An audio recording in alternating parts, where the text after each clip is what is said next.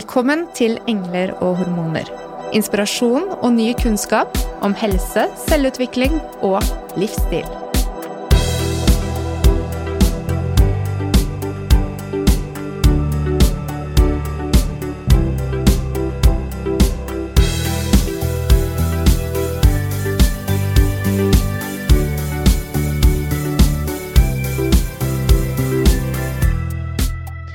This week on Engler og hormoner, we will continue the conversation about diastasis recti, the separation of the tummy muscles in pregnancy and for some lasting postpartum. We will discuss this management of the condition as it has been highlighted in particular this year through a global online initiative called the Diastasis Project. It has gathered health professionals from all over the world, from leading researchers to mainstream clinicians like myself, opening up the space for direct communication about diastasis and all the questions we have that we are left with in clinical practice when evidence is not conclusive. And the person behind the scenes and on the stage for these valuable and expanding discussions is Antony Lo. Welcome to the studio, Antony. Thank you. Thank you. Uh, pleased to be here, and uh, thank you very much for the very kind introduction. Well, you certainly have created the buzz in the online community with your project, uh, Antony. Thanks for that. Yeah, it's really hard for me to gauge, honestly, because you just put the stuff out there and you don't know who's seeing it. You don't know what people think. Um, I've been self funding it for three and a half years. So, you know, it's just the goal is just to get the information out there as best as possible without selling fear and without a financial barrier to entry, you know, and mm. to really represent the diversity that exists out there whilst remaining as evidence based as possible. Mm. Uh, and uh, as a physio, which is your background, can you tell us a bit more about where um, where you've been? Like, what has your professional career looked like to, up to now? Oh, well, I'm an old man. So 25 years, well, let's see, nearly 30 years ago, I commenced studies um, as a physiotherapist. So it's a bachelor's degree back then. And um, I then worked in the public hospital system for three years. And that's where that's where I came in contact with antenatal education, uh, postnatal ward work, as well as um, uh, yeah, everything in between, right? So pregnancy related pain. Um, and that's where it all started. And then um, I was asked if I wanted to take over the antenatal classes that were being done at the hospital. They were really fun. Every month I got to meet with some couples and teach them how to do all sorts of stuff. Like we're talking in the 90s here, right? And then um, uh, into my private practices, two private practices, and then a master's because I thought, well, I really want to change the profession, but it's hard to do that from the outside. So I wanted to do a master's. I did that. Um, I did some other training, um, but they weren't ready for me. And honestly, I wasn't ready for them either. Went through a massive transformation. It took me three years of painful reframing and thinking about what we do and lots of Facebook arguments and things like that. But um, people were interested in what I was going through and, and what I do to help people, uh, in particular with uh, female athletes. And so I was running seminars. I, I, you know, I've taught, I've taught at either university or seminars since 2008, seven, 2007. Um, and so, yeah, I've been educating people for, wow, 14 years on and off. Uh, yeah. Uh, but yeah, certainly most recently a lot more until COVID, and it's still online. And I still keep a clinical load. And I love work. I love physio. I love uh, working with other professions. And I really love nerding out on science. And as I said to you before we started recording, I love it when people uh, really get into a discussion with me where they disagree with me, um, but we don't take it personally, and we really just sharpen what what we know. And you know, I'm I'm very happy to say if I don't know, and I'm very happy if somebody proves me wrong because it means that I've learnt. Doesn't mean I have to like it. Um, so I am human, but at the end of the day, if if the information is improved and people are better served from that, then that to me is that to me is a very big win uh, for the rest of the world. So I don't mind being wrong uh, if it improves the rest of the world. Well, I trained, I finished my degree well over 20 years ago now, and a lot of things have changed in the science from what we learned back in school. So I think we, we do have to change uh, to keep up with oh, yeah. uh, the evidence, definitely. Um, so I think we find you somewhere in the intersection between musculoskeletal, women's health, and exercise physiology. Would that be right? Yes, I, I wouldn't say exercise physiology in terms of I don't have a degree in it. I, I tend to stay sports type physio, performance, performance enhancement, um, as well as rehabilitation. So I see people from the very young to the very old, from the very capable, like Olympic world champion level, all the way through to people who can't walk. Um, you know, and, and the very debilitated. So mm. I, I like honestly, I think physiotherapy and what we do is actually relatively simple. I think we just make it complicated, and I don't know why.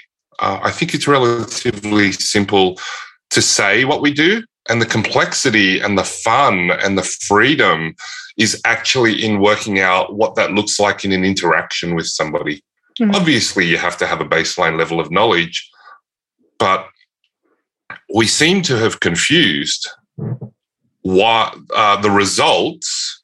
This works, right? If you told me that you waved your hands with some window cleaner and you flicked it on your patient and they felt better for it. And so you did it to the next person and they got better. And you said that they walked out better. I will not doubt that result.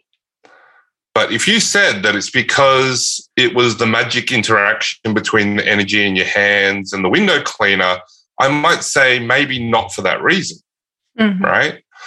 And yet when people when we when we start to challenge the reasons why we think something works, people take that personally and they tend to say, Are you saying that I didn't help all these people? And so they've confused their identity with the results that they're getting and and the reasons why they got the results. And and you know separating all three of those is very difficult for a lot of people because they place their identity in what they do instead of who they are. Mm-hmm. it's very interesting it is very interesting, and I regret to say we have to get back to diastasis, but this uh, I oh, think man. we'll I think we'll build into with the language and also your experience with top level athletes when we get along the way of uh, this uh, talk because it's uh, I think personally you inspired me to be. Um, less fearful of adding movements and exercises to my patients uh, and maybe I don't know, maybe you had a similar kind of journey with diastasis. Uh, did you meet diastasis recti when you were an undergrad in physio school? No. No. So no. when did you learn about diastasis recti and how? It's difficult to say. So, because I grew up in the land down under, like in Australia, transversus abdominis and core stability, like it was a thing, right? So, like, I mean, to me, diastasis is obvious when you are interested in that area anyway. Mm. Um, and so you see it, but then, yeah, it doesn't really matter. So, um, yeah, people always made a big fuss about all sorts of things. And it's like, why? You know, so for example, I remember having a, an argument with uh, a physio once, and she wanted her patient to do uh, three sets of 10, you know, the, the, the, the Kegels, the pelvic floor contraction. Uh, she wanted the 10 second hold. She wanted the endurance. She wanted the quick flicks. She wanted everything, right? I'm talking like more than, more than 13, more than 14, 15 years ago. And I said, yes, that's fantastic. I have no problem with that because, you know, as you know, the research has supported pelvic floor exercise for a long time. But I said, she lies down and she does them. It doesn't necessarily mean that it's going to help her when she runs. You know, that's like saying, okay, I want you to do isometric biceps contractions at 90 degrees. And then the person still can't pick up the, the shopping out of the car because they're not in that angle that they're training for. And so, you know, I, you know, I got told for a long time that I don't know what I'm talking about because I'm not an internal physio. And with all due respect, you don't need to be an internal physio to know that if you're training in one position, it does not guarantee carryover into another situation. Like you've got to train for it. I don't need to be specially trained to know that. Um, that's just undergrad, right? They teach you that in undergrad. So, uh, yeah, anyway, stuff like that happens the bottom line is that um, diastasis is a thing, and I used to teach more about wanting the connection between the two and activating TA. And unfortunately, the research didn't pan out on that. You know, the whole mm-hmm. TA thing just didn't change anything. Is no better than anything else, and and I, I remember fighting it. Oh, you know, they didn't they didn't do it right, or ah, those people that they used to teach the patients, they they didn't know what they were doing. They don't do it like me because you know I was that arrogant physio. And then I remember reading a paper. I don't remember the reference, but um, I think it was it was that the therapist got to choose the way that they did it. Right, so we're like biasing the interaction for success with a chosen intervention. And it was still no better than anything else. And I remember reading that thinking, I remember thinking, geez, that just took the wind out of my sails, you know? And it might have been a small study, but I just remember thinking, oh, like I can't even say that they like they biased it for success and it still was no better than anything else. It's like, oh, how does that work? and so I had to con- consider the fact that I was wrong. Um, and in relation to diastasis, I've always thought that we should just use it. Like mm. it hmm. didn't make sense to me. But anyway, I can talk to you all about the physics if you want and three dimensional, the way that I think about it. Um, we will definitely yeah. get back to that. Uh, I just uh, remember the bus hitting us around like 2010 onwards with the diastasis in the social media. And my impression is a lot of the patients actually have got the information about the diastasis from reading blogs and social media and are self referring to physio to get help to manage their diastasis. Well, 2010 seems early, but yes, I'm sure that there was stuff out there. But um, for me, it just seemed to be a big storm in a teacup. Um, I remember the very first female athlete course that I taught was in 2016 and it was in Florida. And I remember designing the course and it's like, ah, oh, people want to hear about diastasis. So I set aside 15 minutes because that's all I think it takes. Um, and then people lost their minds. Um, and so we ended up spending an hour and a half or nearly two hours where I've allocated 15 minutes of time. Now, if you've ever run a course, I am sweating bullets now because I'm so concerned that I'm going to run late. And where am I going to find the time to do the stuff that I hadn't accounted for? It all worked out in the end. But yeah, I was really surprised with just how shackled people were by by these concepts and principles that just didn't make sense to me. Mm-hmm. So, yeah. So what what is a diastasis in your uh, explanation. What would you say it is? Uh, by definition, it just means a gap, like a, a separation. Um, that's what it means. Um, literally, mm-hmm. in t- of the muscles, you've got a gap in your in your rectus abdominis. That that is it. Um, you know, it's it's not it's not the linea alba has been torn apart. We call that a hernia. So it's a stretching of the linea alba. And then what we do with that, I think, is much more telling. That's to do with making meaning of things. And, you know, if you start infecting your mind with all these different principles and assumptions that you have, you've got to think that, oh no, that's not good. That's overstretched. And as soon as you start thinking like that, then it becomes a problem. It becomes dysfunctional. It's not doing its job properly. What if it's actually doing its job really, really well mm-hmm. from a function point of view? What, what if we can just use other tissue to do the job that it was doing before? You know? And people will tell me, oh, but what about all these people that have these other problems? And it's like, what about all the people who don't have a diastasis and have all these problems? You know? So people still have the same problems. I don't know if there is a unique um, secondary effect of having a diastasis. Only people with diastasis have this happen to them. Like I can't think of one. So to me, a diastasis is a change that your body has gone through. It happens in males and females. My son was born with one. I checked him a few weeks ago just because somebody asked me about it. Oh, what about kids? And I went, oh, my son. Actually, I haven't checked my son for a few years because I wasn't worried. So I said, lie down. He's 15. Lie down for a second. He goes, why? I just want to touch your belly. Why? And it's like, because I need to check something that you were born with. He goes, oh, okay and he's got no diastasis. But I know that I saw it about a year ago in the pool. He still had a small diastasis. It wasn't big. Um, yeah, I'm not concerned about it because I keep an eye on it. Mm-hmm. And, um, it's, and it's, it's what we make of it. Yeah. yeah. it literally means a gap. Yeah. That's it. So um, this is interesting because um, the way you assessed your son should we get into that because he was lying sure. down and you were palpating him uh, on rest That's or doing a curl? Uh, both. Yeah. Yeah. So, uh, but also standing. I saw it a year ago because he was in the pool mm-hmm. running around, and you can just watch. You know, you watch people, and so I saw it. Yeah, because know? this is interesting. We are taught, at least by the courses I've done, that you are doing the measurements lying down and you're testing at rest and doing yeah. a curl up.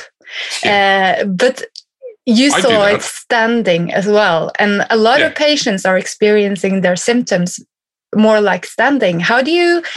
Yeah, gravity. How do you? Yeah. So so this is uh, this is how functional is this? The way that we are actually assessing the diastasis.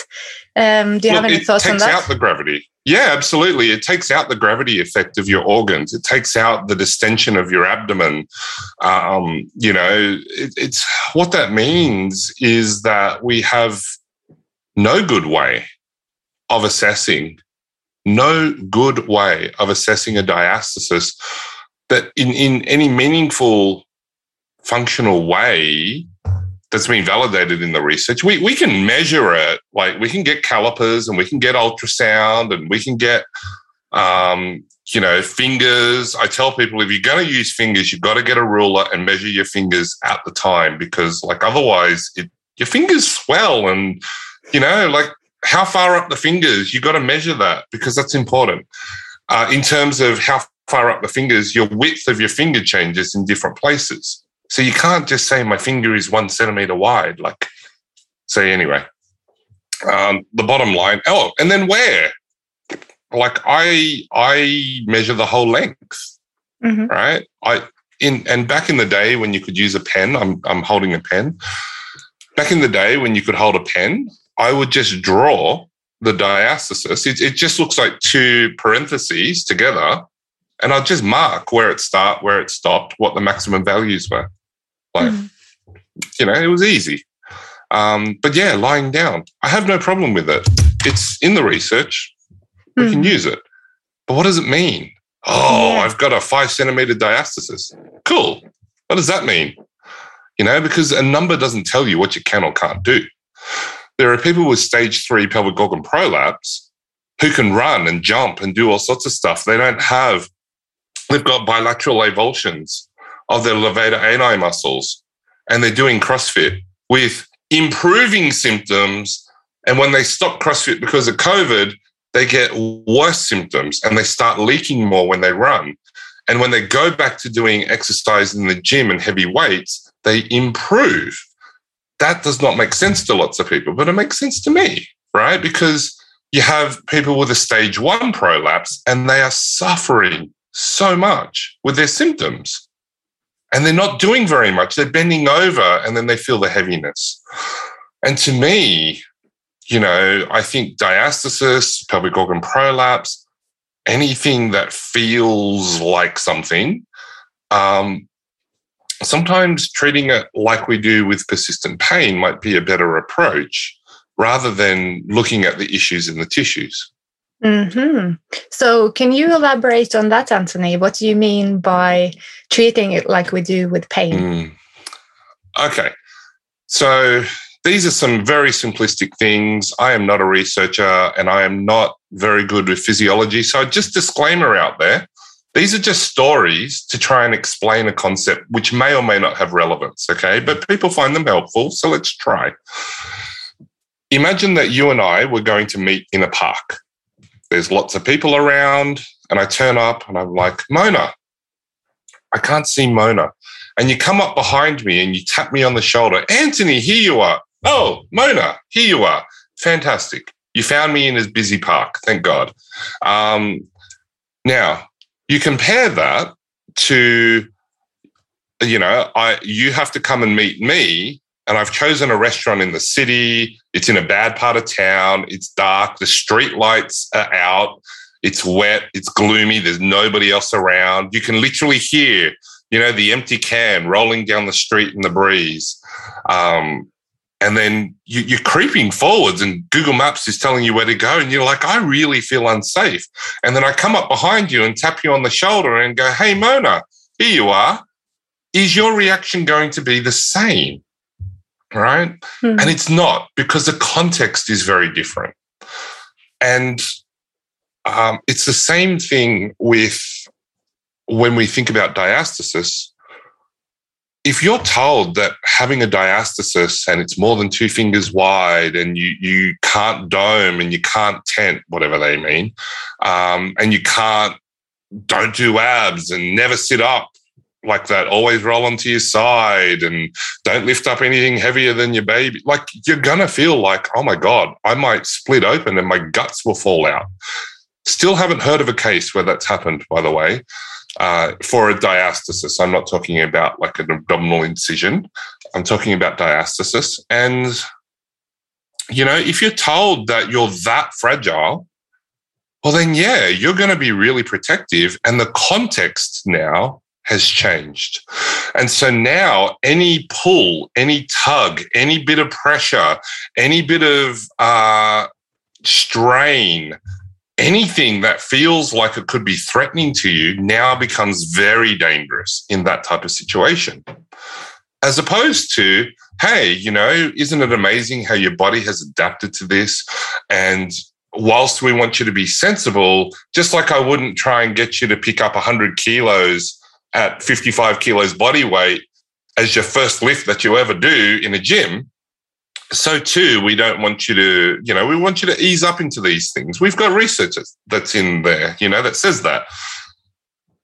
And, you know, we really empower people to move forwards towards their goals with support like a consultant as opposed to a parent. Like we talk about the patriarchy and, you know, there's so much research that needs to be done that's not being done. But what's really important is that we don't treat people as if they're children, mm-hmm. right?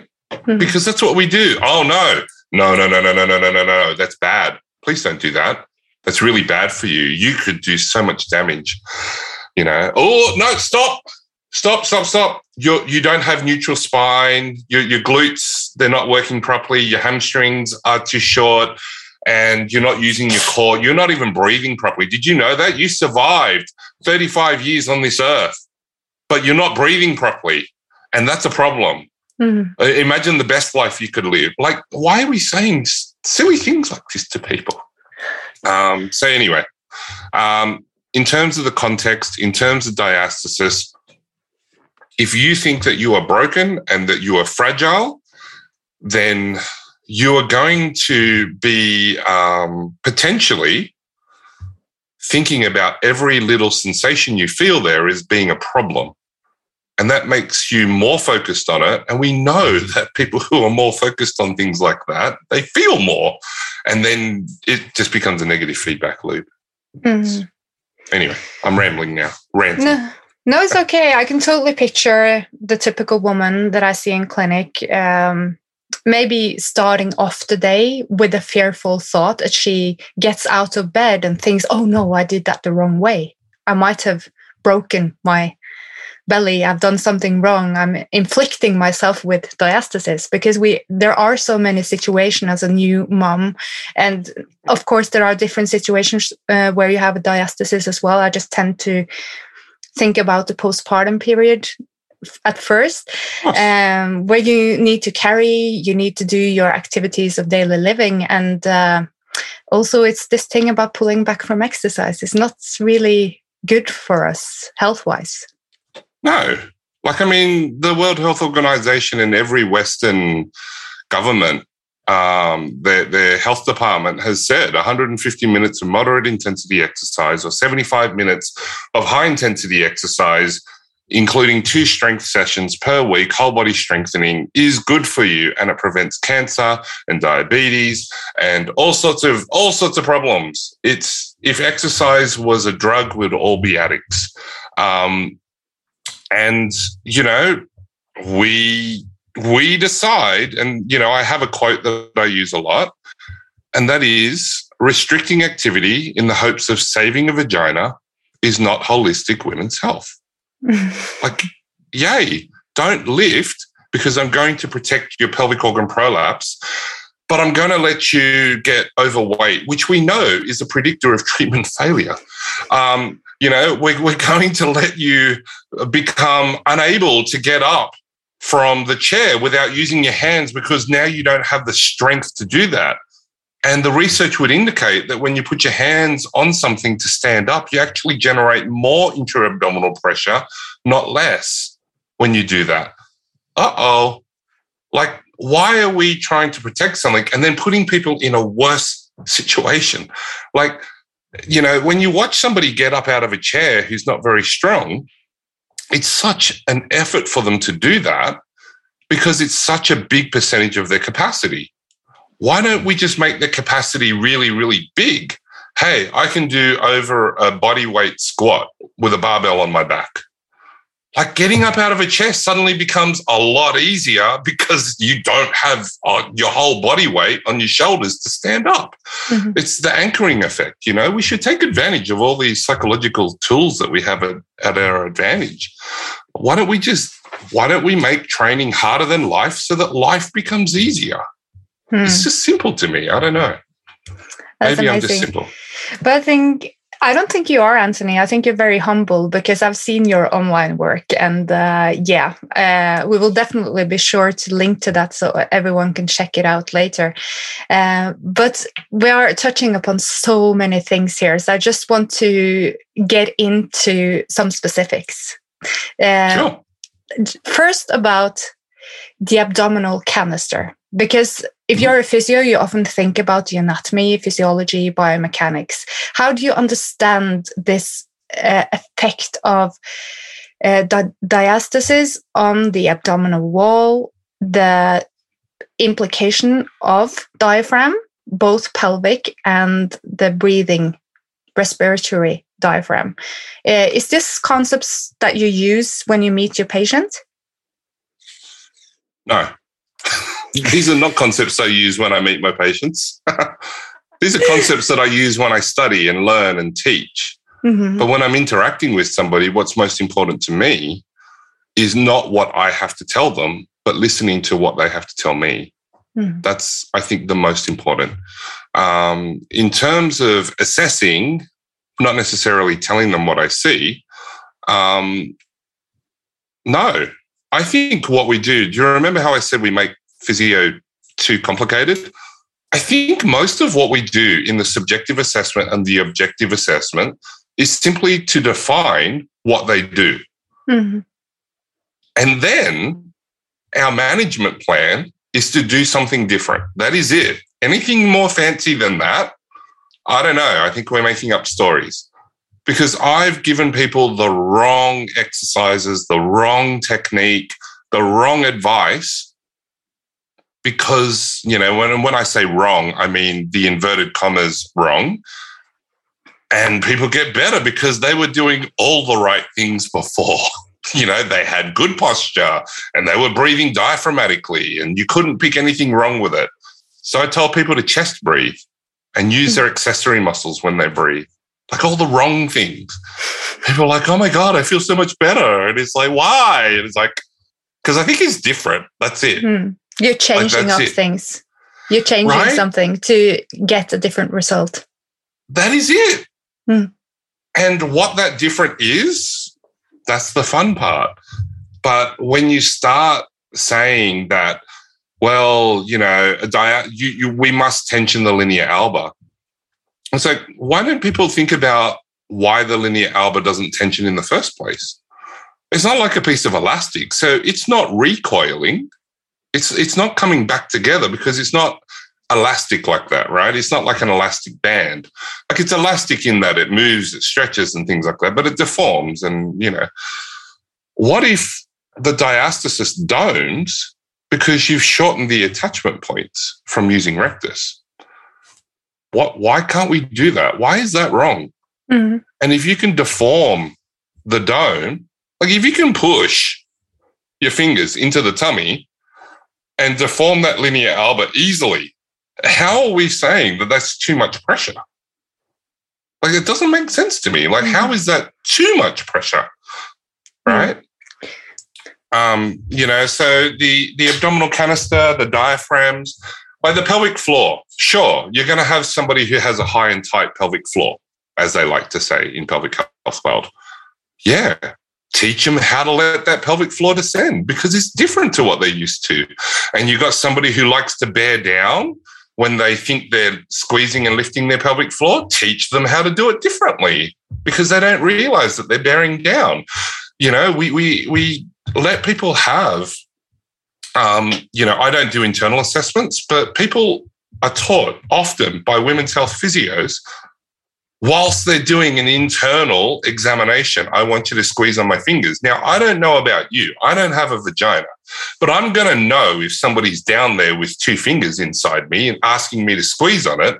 And then when you're not there, I don't have that very strong and personal feedback. So they go, I think they go looking for the sensation. I think they start squeezing as hard as they can because they're looking for that feel, that squeeze. And, you know, it's not socially acceptable at the moment while you're sitting at the bus stop to pop a p- couple of fingers inside your vagina and give it a squeeze so that you can test your pelvic floor exercise, you know? So, you know, we're teaching people how to do a pelvic floor exercise with lots of stimulus. We take the stimulus away. We say, yes, they can squeeze and lift. And then they go home and they practice bearing down, looking for that same sensation. I've seen that too many times to to to think that that's not a possibility of what's actually happening. One of the possibilities, right? so we we do something different for the pelvic diaphragm, for the abdominal, for the for the diaphragm of breathing. Um, yeah, it moves up and down. I learned that in undergrad. It's cool, huh? But it's not just it's not just craniocaudad. It's not just head to tail, up and down vertically.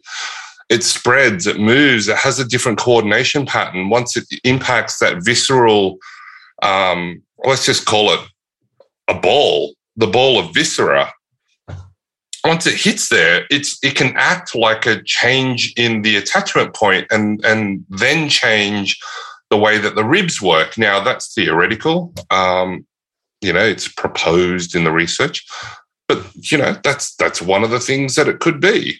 Um, the the ribs and the way that the ribs move um, yeah super complicated. We don't have the technology to be able to determine what's happening that way.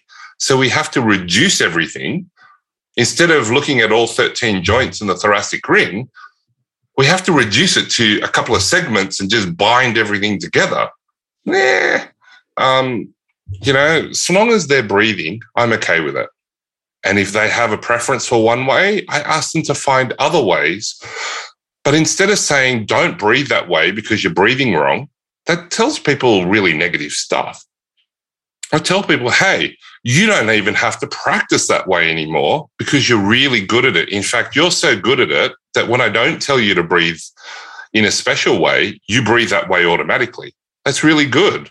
We don't have to practice that anymore. I want you to practice some other ways because sometimes breathing that way, you may not be able to or you may not want to. And isn't it good to be able to breathe other ways as well? You know, like when you're leaning over the cot side and you've got a baby in your arms, you can't now do your belly breath because you start. Have you ever tried it? Lean on the cot side and try it. It's fun. I did it. And you start bouncing backwards and forwards when you try to move your belly when you're leaning on the edge of a cot. Like, so you can't. So your belly is now squished by the side of the cot, and your rib cage and everything else has to deform to get the air in. I think that's wonderful. I think we need to be able to do that. And you know, don't don't try to keep your back straight. A, good way to make people feel broken is keep your back straight while putting a baby who's say six months old, eight months old into the cot when you know you have to put the cot down mm-hmm. to the lowest level yeah. with a side up. Yeah, try keep your back straight. I'm six foot two and I can't do it. I can't keep my back straight and lower something unless you drop the baby and wake the baby, which we all know all the work that went into getting them to go to sleep in the first place. We are not doing that. So let's just make people feel bad about the fact that they had to round their back, which, by the way, is designed to do, to put the baby down gently. Mm-hmm. But we'll make you feel bad about that because you've already got enough from society to feel bad about. How come you're not wearing a bikini three months postpartum already? How come you haven't lost that baby fat? How come you can't do a 20 kilometer, 21 kilometer half marathon yet? Like, mm. you know, how come you're not back at work yet? How come you didn't breastfeed for two years? You know, like, yeah, no, it's just cruel. I think anyway, uh, you're okay. Uh, I think the ergonomical side of it is uh, one thing is the crib, another thing is the car seat. We need to pull in and out in the most awkward positions. So I think as a as don't we train day, for it? Yeah, it, this is where train we're going to, it. right? Yeah, we have to be fit to manage our everyday life. Really, I just you used a lot of words there, Antony, and um, uh, the words we use. No, it's okay. Mm. I'm just thinking about the words we use as clinicians when we communicate mm. with our patients, uh, mm. because we've been talking about how we should treat diastasis, maybe like we approach pain Mm-hmm. And then mm-hmm. we have fear. And these mm-hmm. seems to exaggerate each other, don't they? So uh, absolutely, uh, yeah. You tell me that uh, you tell me that somebody who's fearful, you tell me that they've got less stress and muscular tension than somebody who is, I don't know, relaxed and watching a movie that they like. People who are fearful use more tension. People who have pain have more tension. Like that's in the research everywhere. So you know, that's yeah, that's not even an unfounded statement. Sorry, I cut you off. no, it's okay uh, because you um, you have been writing before about scar and this mm-hmm. uh, way of being mindful of how we use our language when we communicate with our patients.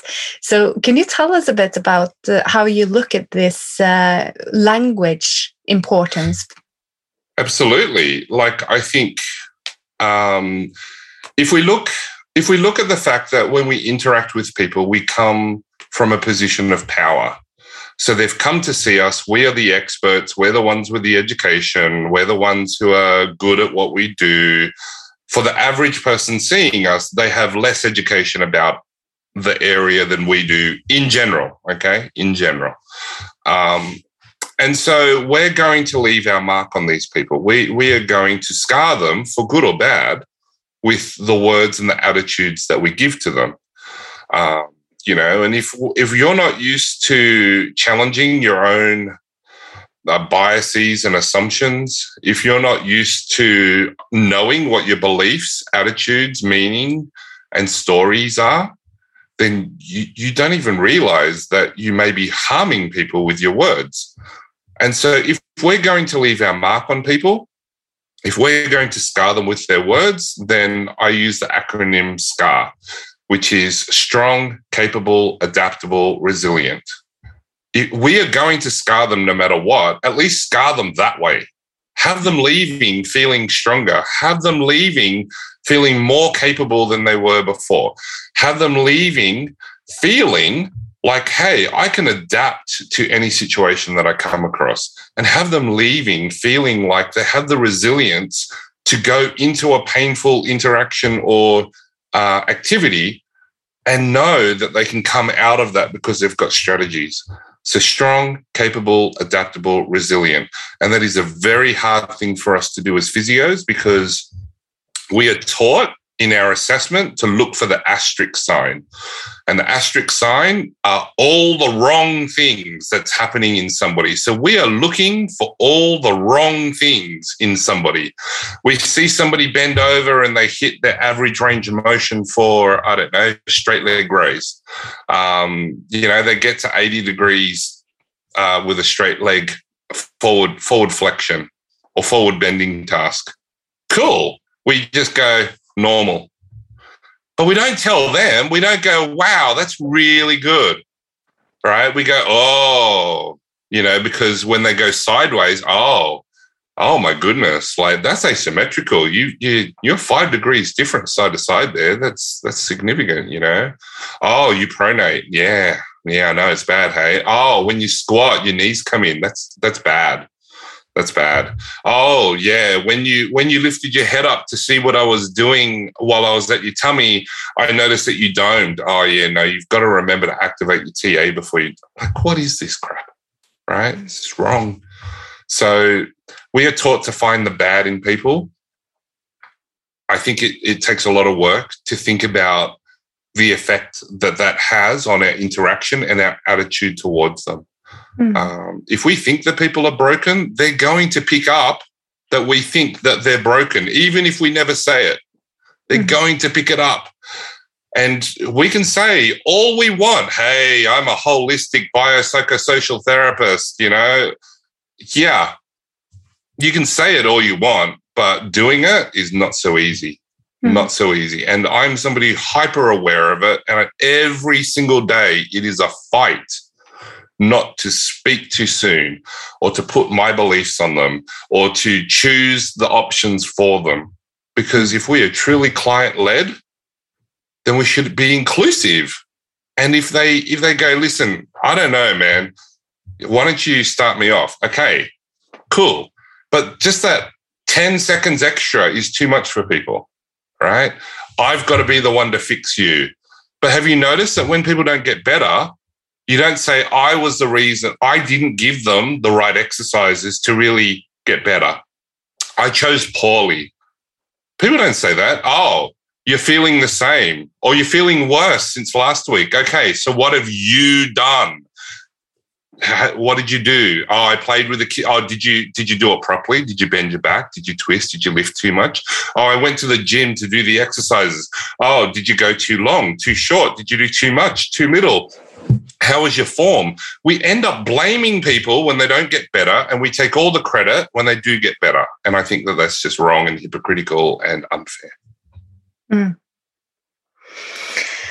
This is a responsibility to carry as a health professional. And I think we, we meet with this patient group, they are already vulnerable. And a lot of people are meeting us in fear, looking for advice on what to do to fix themselves yeah. Yeah.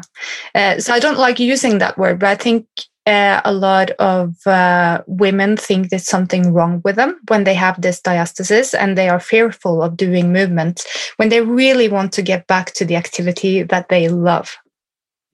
Yeah. And a lot of people don't like how they look. Mm-hmm. That's okay.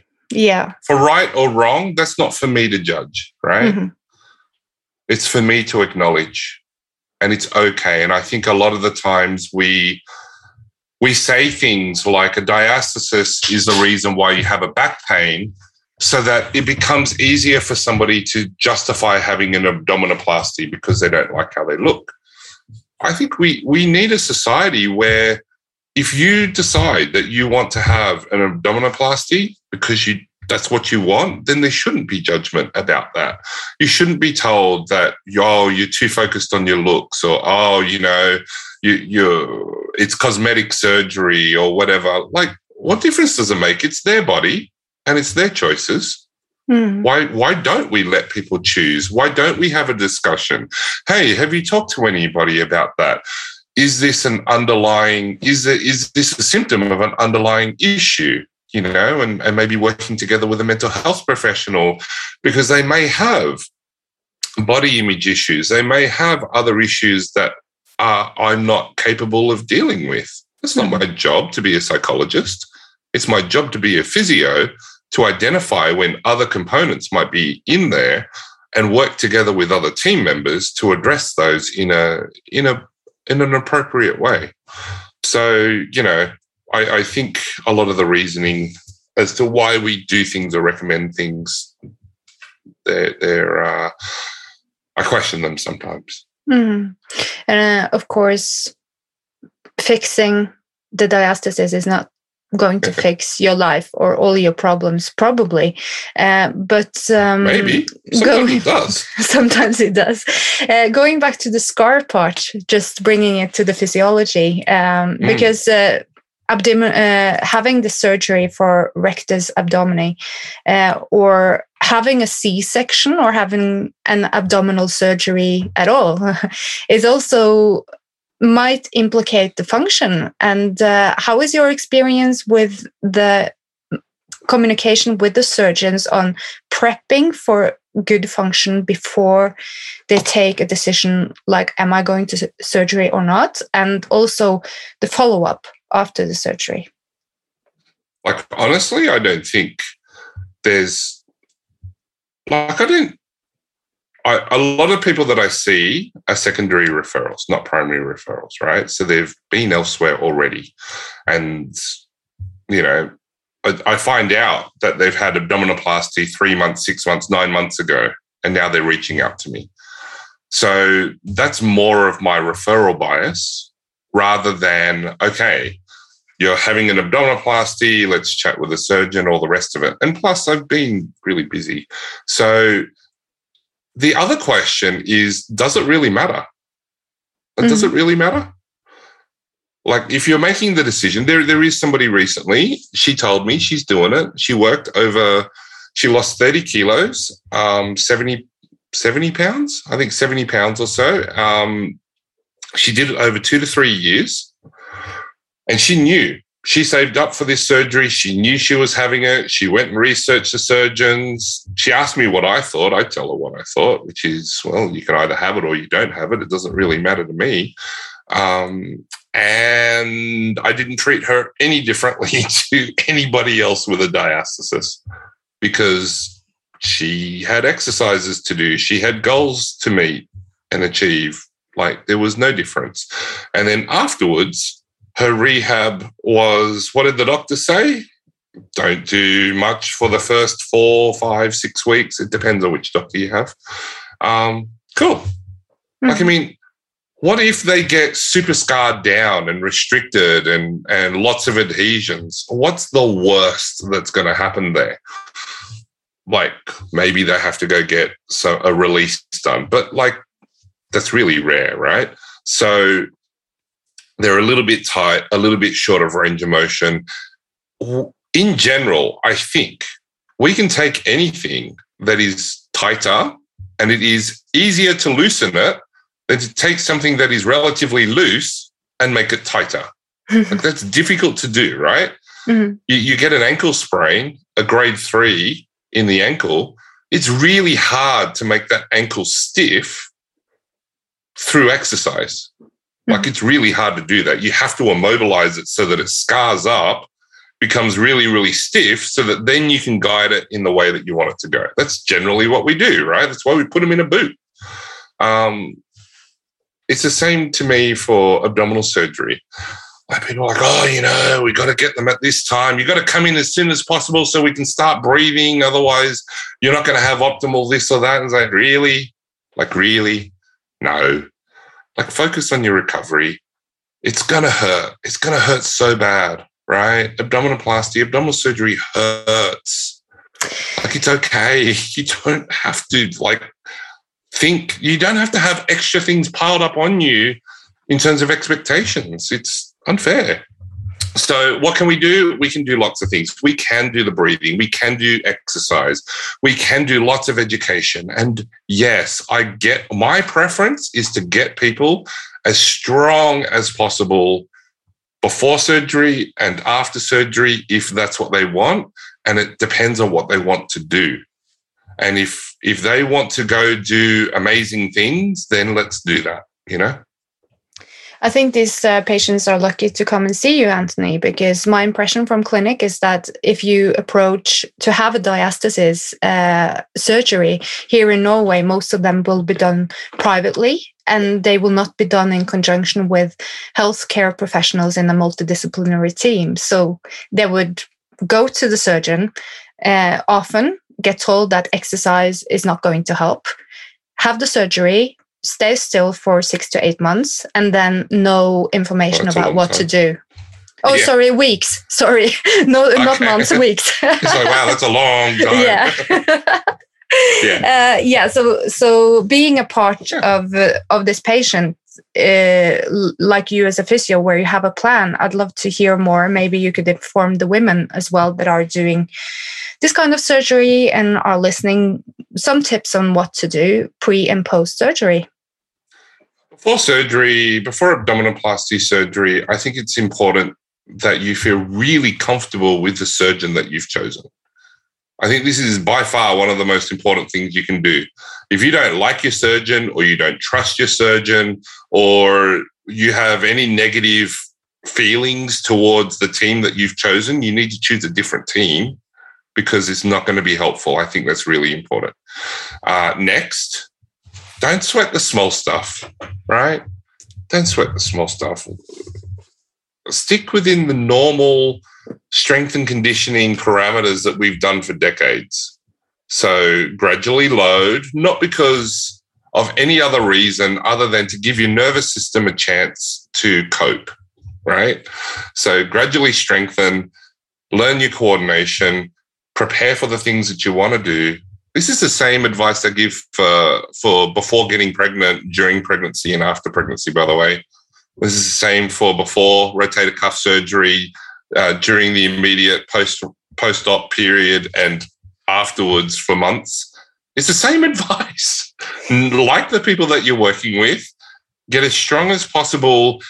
Making your rehab interesting and looking like the thing that you want to do is important and then surrounding yourself with people who have got your back, but who aren't going to nitpick you into doing things absolutely correctly, but celebrating the fact that you're moving forwards towards your goal. I think that's important. Um, everything else is inconsequential as far as I'm concerned. Like, don't bear down. But don't bear down. Learn what bearing down is. If you're listening to this, like put your hand over your perineum, push in a little bit, not too much, because otherwise any movement there will feel like bearing down. You want to stick to around the bone level and then cough. And you're going to feel a little bit of pressure into your hand. That is normal. Perineal descent during high pressure change is normal. Um, then do a pelvic floor contraction. And if you do a pelvic floor contraction and you feel the same pushing away of your hand, then maybe check with somebody who knows about that because you may be bearing down. But if you don't feel pushing out, then you're probably not in the dangerous area of bearing down. Just go with it. Mm. You know, just keep it simple. Oh, and don't just lie down to do it. You need to be upright because that's when we do all the hard stuff. All right. mm. So pelvic health is a component. Mm. Yeah. Absolutely. Uh, I think not because it's linked, just because it's so uh, so prevalent. So many people deal with it, and so many people don't know about how to manage it with other things. Mm-hmm. Right? It's not because I'm concerned, because there, there is this myth out there that if you get this diastasis surgery, that you're going to increase the pressure too much. You're going to over tighten, and then that's going to force a prolapse out of you. Like, I don't think so. I, I still haven't seen the research that says that. Um, and yeah, Mm. Anyway, sorry. I think there is. Uh, I don't think there is too much research on these no. surgeries either. so oh, there's a lot of research on surgeries, not the information that we're looking for. No, right? yeah.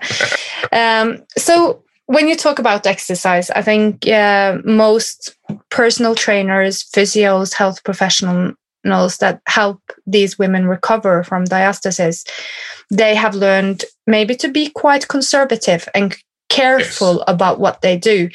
And uh, what caught my eye is your work with CrossFitters, Antony, yes. because uh, when we see the um, intensity of the exercises that you choose for some of your patients, that is eye catching. Can you tell us a bit about uh, how you think and resonate sure. and maybe work with the patient when you dare to put the intensity at the level you do?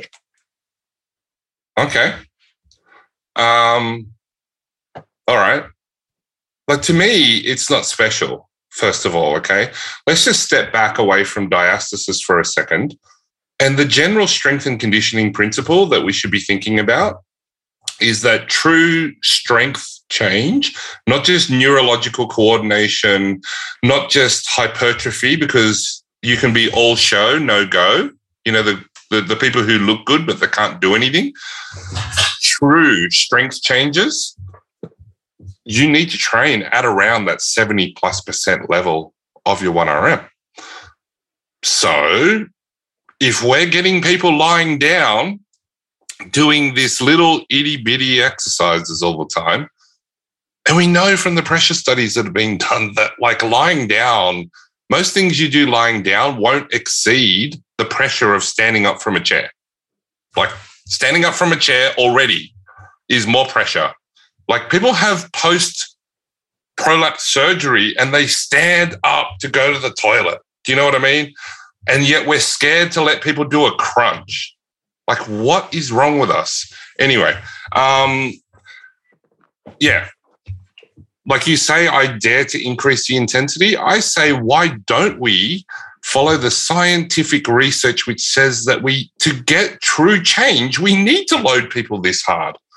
So it's not that i'm throwing them into 110% of their capacity. It's like where is your capacity at? And let's work at that 7 plus intensity. Mm-hmm. so like i mean and so then you just take it on to other things. You know, one of the things that really frustrated me as a physio, this is not diastasis, this is shoulder. I see people who can snatch 80 kilos, right? 185 pounds. A snatch is taking it from the ground to overhead.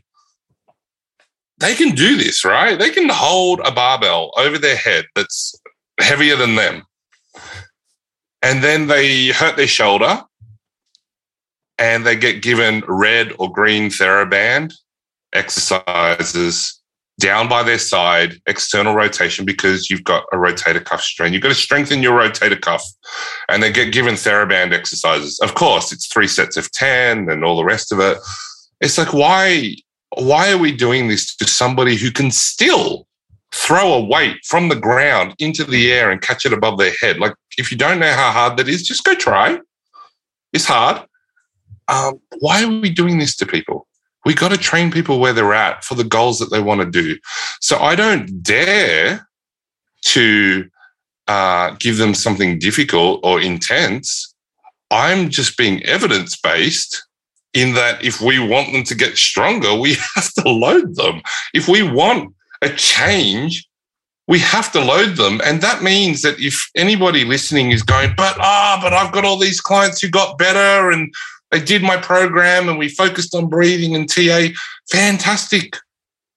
What if they got better because your program takes 12 weeks and they just got better? Mm. What if they did your program and then they went and played with their kids or did a bit of farming or a bit of gardening or moved house. And that was the reason why they got stronger. like, do you know what I mean? Um, why is it our special programs that we sell? So the intensity thing to me, it is basic strength and conditioning principles. You got to load. You got to. If you don't load it, you're you're not going to change it. Mm-hmm. Um, so yeah, it's it's only I think because I have a repertoire of exercises that I have done or I know about that I can call on as examples. And most of the time, the, the person I'm seeing has taught me the exercise or what they want to do. They just tell me, hey, I want to do a muscle up. Cool. I know how to break down a muscle up and get you there. Mm-hmm. You know, let's work on that. And then, of course, you are watching them doing it and then setting the intensity at 70% of what is their actual capacity at the time. Oh, not necessarily. Mm-hmm. I'm getting them to decide. Yeah. what, okay. what level to do it at. Mm-hmm. yeah. Then, so I'm watching for signs. I'm watching for signs of things that may, because we don't have research to suggest this is true, things that may increase their symptoms or increase their risk of injury. Mm-hmm. Um, so if they look like they're shuddering, right, they're shaking during the exercise, they're they're fatiguing. Mm. That's good. That's a high intensity thing. If getting up out of a chair is hard and you rate it like a seven out of 10, then getting up out of a chair is your exercise. I don't care what you're doing. I care that you make it in a way that's difficult for you. Mm-hmm. Right. Um, so, yes, I am watching. And often I'm watching because it's like, well, that was easy. Right.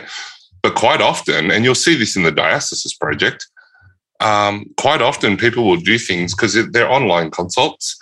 They'll do things and then they'll go to get up off the ground, but they will log roll and I've just had them doing double leg lifts with a crunch and sit ups and all sorts of other things, right? It's like, no, stop.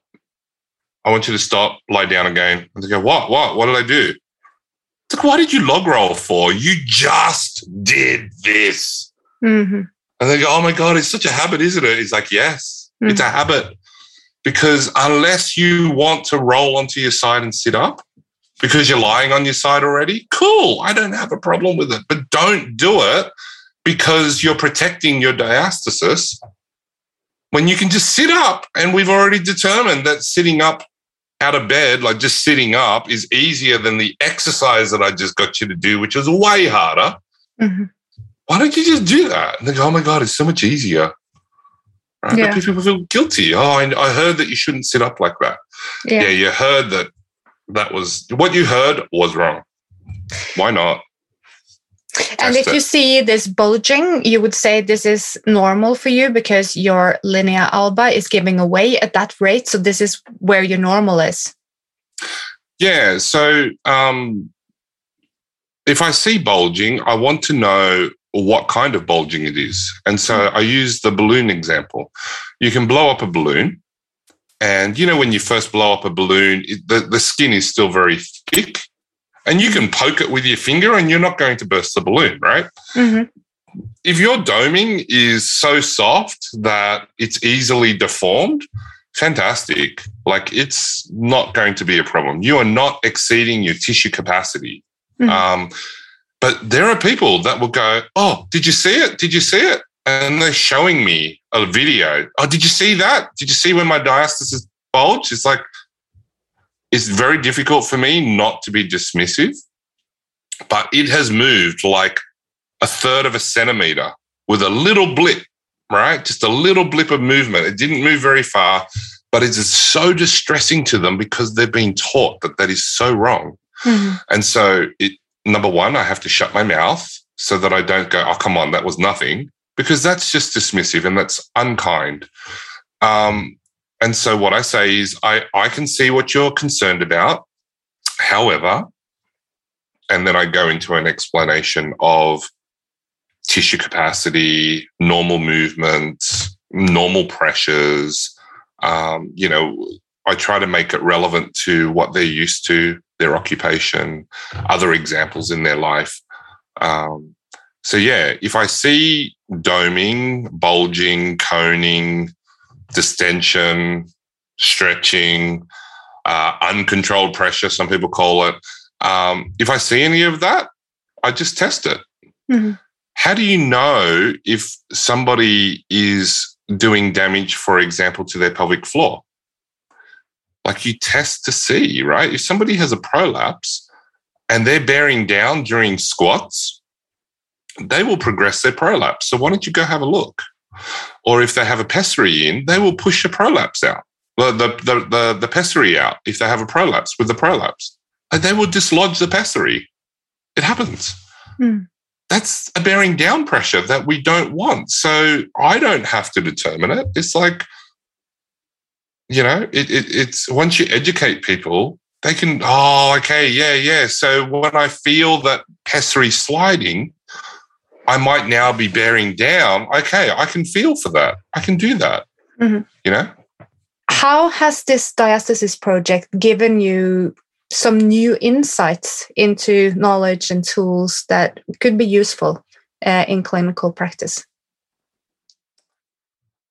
Um, I think what's really important when I set out to do this was to show people examples of what a consult from start to finish could look like.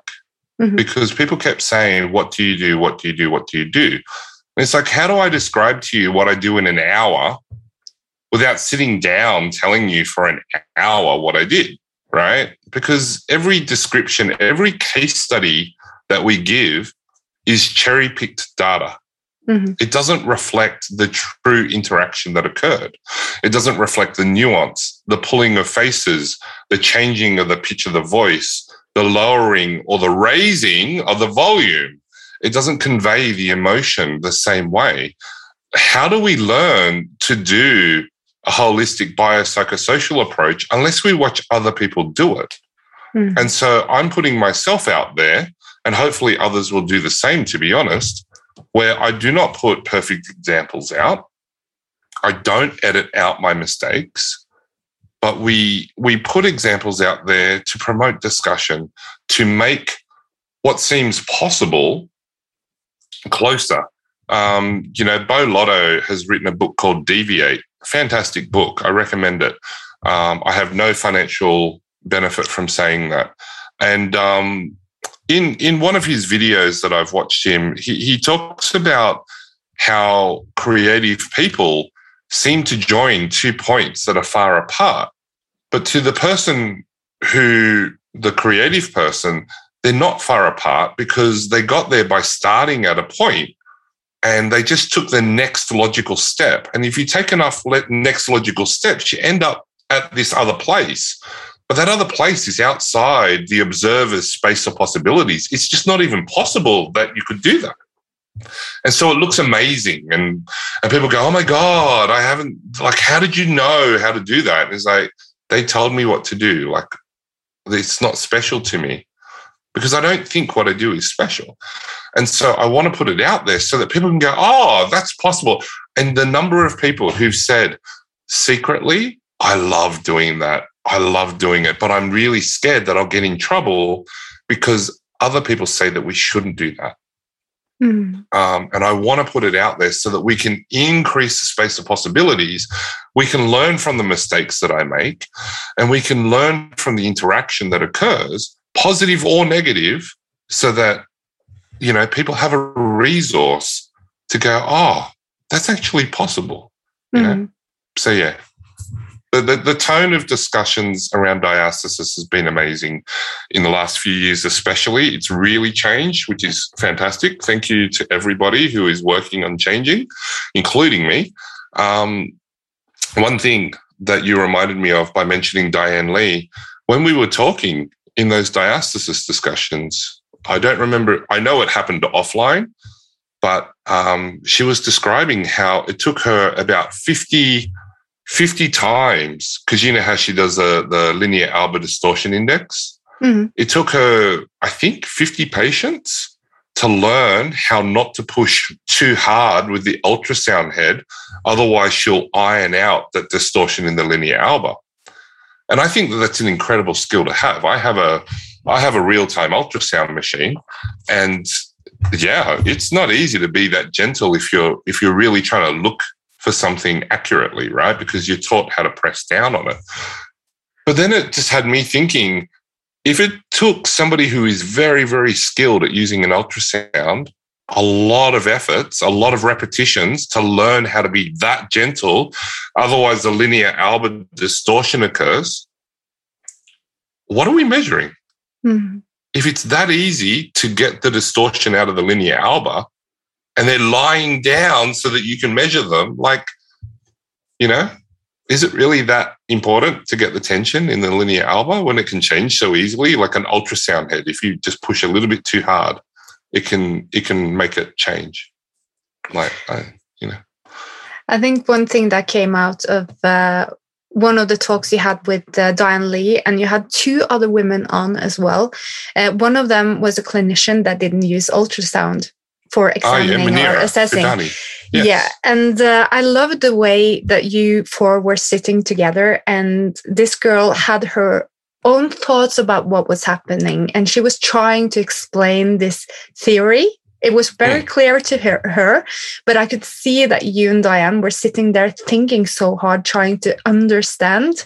And then the light bulb went on, and Diane said, Now I understand what you mean but it's just so beautiful that you get this space where you actually listen to each other and create that magical moments where you truly have the interaction of clinical reasoning. And I want to thank you for that. That's amazing. Yeah, no, thank you. And um, I think during that one as well, the Gráinne was talking about the deflated, you know, rectus and the and the and the um, atrophy of the rectus mm. abdominis. Are we measuring the end of the linea alba or are we measuring to the edge of the muscle? Yeah. Um, you know, I thought that that was interesting too. Um, I, I've, I bought Munira's course and I'd, I'd, I'd seen that part of her talk and, you know, I was trying to make it work in my head because it doesn't, it didn't make sense to me. Um, but I'm willing to be wrong. So I really wanted to try and understand it from her explaining it to me. Um, but yeah, I, I, just yeah I couldn't make it work for many different reasons. Um, and and honestly, to her credit, she doesn't talk about the possible thing that was happening, but still, it you know it it, it was an explanation trying to. Uh, trying to describe what we observe in clinical practice, right? Mm-hmm. Um, and in the end, the fact that she's not wedded to that, the fact that she's not tied down to this must be the reason why, I think that's fantastic. And that's full credit to, to Munira for, for being like that. And I think that's why, you know, that's, I think that's how professional relationships should be. Mm-hmm. Um, uh, so actually, we have done an episode with Kari Bø, and uh, we went through the evidence base, uh, like where we are at with the research right now. And uh, I think it's so beautiful that you come in here, Antony, and add to the clinical reasoning part and giving us a space to discuss and learn uh, from each other's thoughts and experiences. Yeah, thank you. And, um, you know, I, I think it's important when there's an absence of research evidence on the specific population that you want to work with that we have to cautiously introduce the other research that we do know about, like strength and conditioning principles, motor control, taking from the the world of persistent pain, uh, physiology, you know, sports performance, sports injuries, uh, the general pre and postnatal research that has been done, uh, being able to combine all of that is important. Um, and as frustrating as it is that we don't have enough research on diastasis, particularly for postpartum, particularly for more than one year, um, as frustrating as that is, um, it is what it is, and and we do need to we do need to do that. And, um, you know, thank you for letting me listen to the podcast as well um, before before I came on. It's not publicly released, and you know, I, I really enjoyed listening to it. Um, uh, very much within the the lines of the evidence that we have. Um, and I think that that's, I, you know, I was really impressed and and inspired. I, I wanted to actually, you know, because I messaged you at stupid o'clock in the morning for me. Uh, like I, at the time, I wanted to just reach out and message to her and say, well, I want to do research. And then I remembered, hold on, I can't do research because other things to do. I really do would love to do more research, but there's so many things that I want to research. So, yeah. Anyway. I could just imagine. Uh, so, if uh, our listeners want to join the online space and gain access to the material that are produced among peers and clinicians and researchers in the space of the Diastasis project, how can they attend? Uh, I think the first thing to do is to go look at the website diastasis.info. Um, that's where you can find out more about the project and, and different ways that you can volunteer your time and expertise. We're looking for people who are happy to write some content up. Um, all of this would be acknowledged. This is a by donation project. So you'll be donating your time. If people donate their money, it goes towards funding um, what I've been doing. I've got over 35, 40 consults like that's hours worth of consults. Um, so, you know, anything would be helpful. Exercise demonstration videos from hmm. people. Mm. Um, you know, yeah, we've got a whole bunch of procedures that are there uh, for how people can help out with that. In terms of the diastasis discussions, um, you can uh, see that on the website and how to sign up for that um, to get access to the recordings and some of the bonus materials that I've put out for them. Uh, the Diastasis project will be uh, hosted at Embodia app or Embodia Academy. I think it's embodiaapp.ca or .com, one of them, but Embodia. Uh, and they're, they're, we're, in the process of putting the content into the, the hosting platform there um, so hmm. that people will, will be able to buy a course in inverted commas. But I think the minimum donation is like $5 for PayPal. So, mm-hmm. you know, uh, we don't want finances to be a, a, barrier, but I want it to be like the, the highest quality course that you could get in terms of materials and resources, exercise examples, theory, research. Like I can tell you because I got it open. My um, my Mendeley has got a lot of different references in it, and the diastasis reference list currently sits at 300. Uh, it's uh, it's also very good to connect with you on Instagram and uh, watch Easy. what's happening in the Facebook group because you will always announce uh, upcoming events there. And um, I have so many questions for you. Uh, actually, we're going to do a bit of a roundup with uh, uh, just tips on resources and references that you can catch in on Thursday if you're interested. But for now, Antony, I just want to thank you so much for your time and for your work to help us clinicians develop within our profession. Thank you very much. I really appreciate the opportunity to share these ideas. I don't know if they're crazy or not. Um, you know, most of the time things just don't make sense to me, which is why I have lots of questions. And I would love to visit Norway. The closest I've come so far is Helsinki in Finland, mm. but I would love to to visit more of Scandinavia. And um, and you know, I would love to go see orcas. I love orcas, and um, you know, just up in that area, there's some amazing orca families. So um, yeah, thank you very much for the opportunity, Mona.